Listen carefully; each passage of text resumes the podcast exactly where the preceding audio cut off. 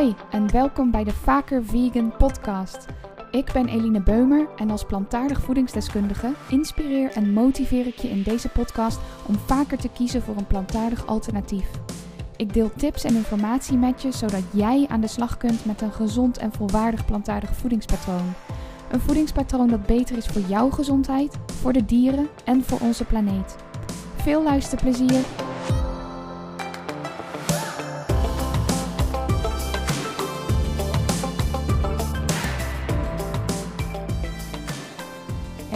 Welkom bij deze aflevering. Vandaag wil ik een van de vragen behandelen die ik kreeg in de vraagsticker via Instagram.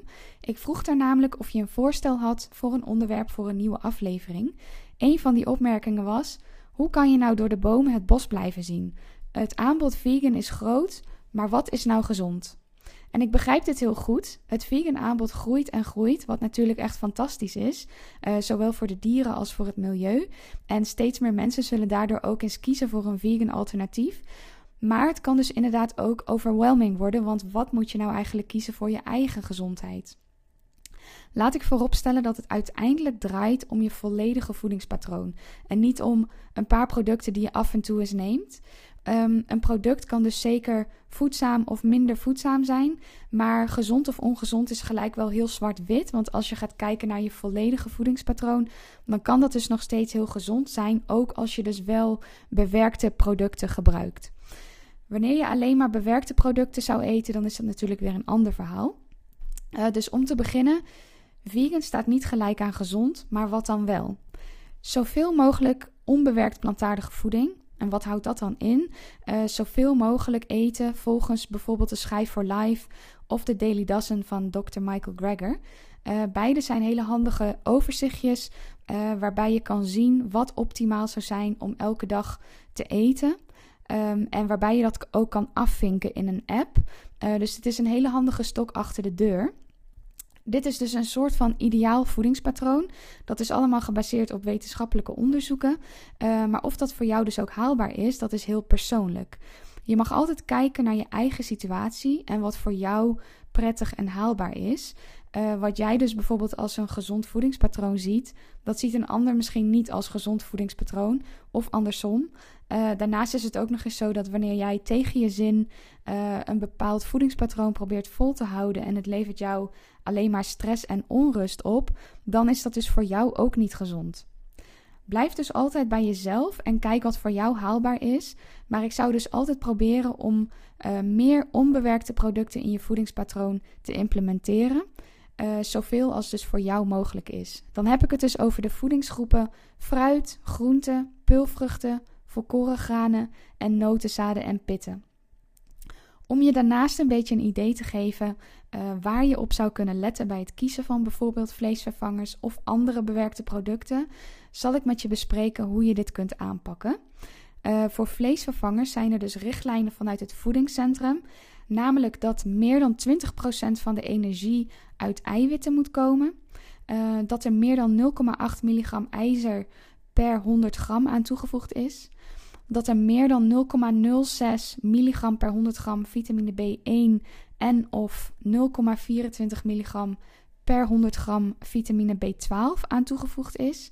Um, dat er maximaal 2,5 gram verzadigd vet per 100 gram in zit.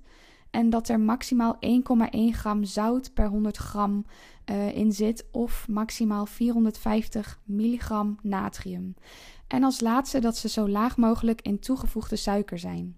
Deze richtlijnen die gaan een beetje uit van een één op één vervanging van vlees. Dat is op zich prima om te gebruiken. Uh, maar natuurlijk ziet ook de rest van je voedingspatronen helemaal anders uit als je helemaal plantaardig eet. Ik raad altijd aan om vooral te letten op het zout- en verzadigd vetgehalte. Uh, B12 neem je als het goed is als uh, supplement. IJzer krijg je in principe ook uit andere bronnen binnen. En over eiwit hoef je je ook helemaal geen zorgen te maken als je gewoon voldoende eet. Um, daarnaast kun je ook nog kijken naar de hoeveelheid die je ergens van neemt. Zo heb je bijvoorbeeld uh, van die vegan spekjes, die veel hoger zijn in zout dan die 1,1 gram per 100 gram. Maar je gebruikt er waarschijnlijk ook minder van dan bijvoorbeeld uh, vegan gehakt of een burger. Uh, en misschien gebruik je verder ook helemaal geen zout in je maaltijden. Daarom is het dus ook zo belangrijk om altijd te blijven kijken naar het totaalplaatje. Om nou in het algemeen te weten waar je op kunt letten op een etiket, uh, zal ik je wat uitleggen over hoe je dus die verpakking kunt lezen.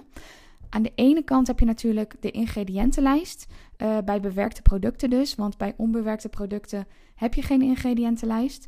Je kan dus vaak aan de lengte van een ingrediëntenlijst al wel een beetje zien hoe bewerkt een product is. En uh, daarnaast, hoe eerder een ingrediënt genoemd wordt in die lijst, hoe meer daarvan in zit. Het staat zeg maar op volgorde van wat er het meeste in zit. Aan de andere kant heb je dus de voedingswaarde. Daar kun je dus bijvoorbeeld kijken of een vleesvervanger aan die richtlijnen uh, van het voedingscentrum voldoet. Daar moet dus ook bij staan als er vitamines of mineralen zijn toegevoegd. Uh, bij de vleesvervangers zijn dat dus bijvoorbeeld die B12 en de ijzer. Bij plantaardige melk is dit vaak uh, calcium, B12 en soms jodium. In bijvoorbeeld de havermelk van Oatly zit jodium toegevoegd. Um, aan biologische plantaardige melk uh, zitten trouwens nooit extra voedingsstoffen toegevoegd. Uh, dus als je plantaardige melk met calcium wilt gebruiken, koop dan een niet-biologische variant.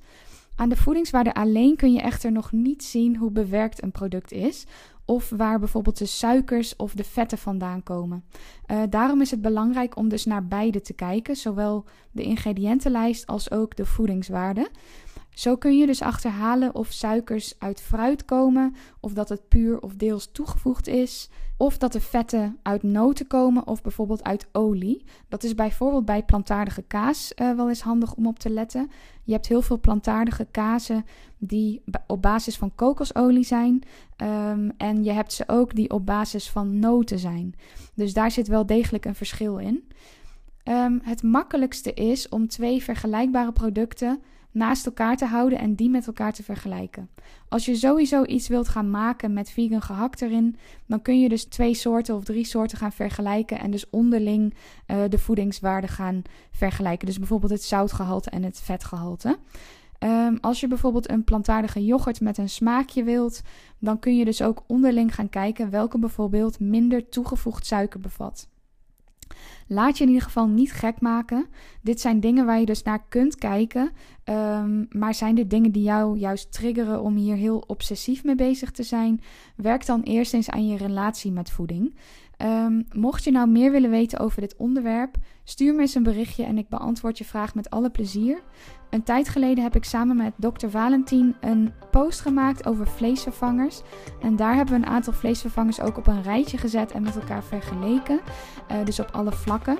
Mocht je dat interessant vinden, ga dan naar mijn Instagram pagina. Scroll even een stukje naar beneden en dan vind je hem daar. Uh, bedankt weer voor het luisteren en tot de volgende keer. Super leuk dat je hebt geluisterd naar de Vaker Vegan podcast. Heb je er nou iets aan gehad of heeft het je geïnspireerd om weer een stapje te zetten richting een plantaardig voedingspatroon? Dan zou ik het heel tof vinden als je me 5 sterren zou willen geven op Apple Podcast of op Spotify. Omdat ik zo graag zoveel mogelijk mensen wil inspireren om vaker vegan te eten op een gezonde manier, zou het fantastisch zijn als je deze podcast wilt delen met mensen waarvan jij denkt dat ze er iets aan hebben. Of maak een screenshot en deel het in je stories op Instagram. Heel erg bedankt voor het luisteren en ik zie je bij de volgende aflevering. Doei doei!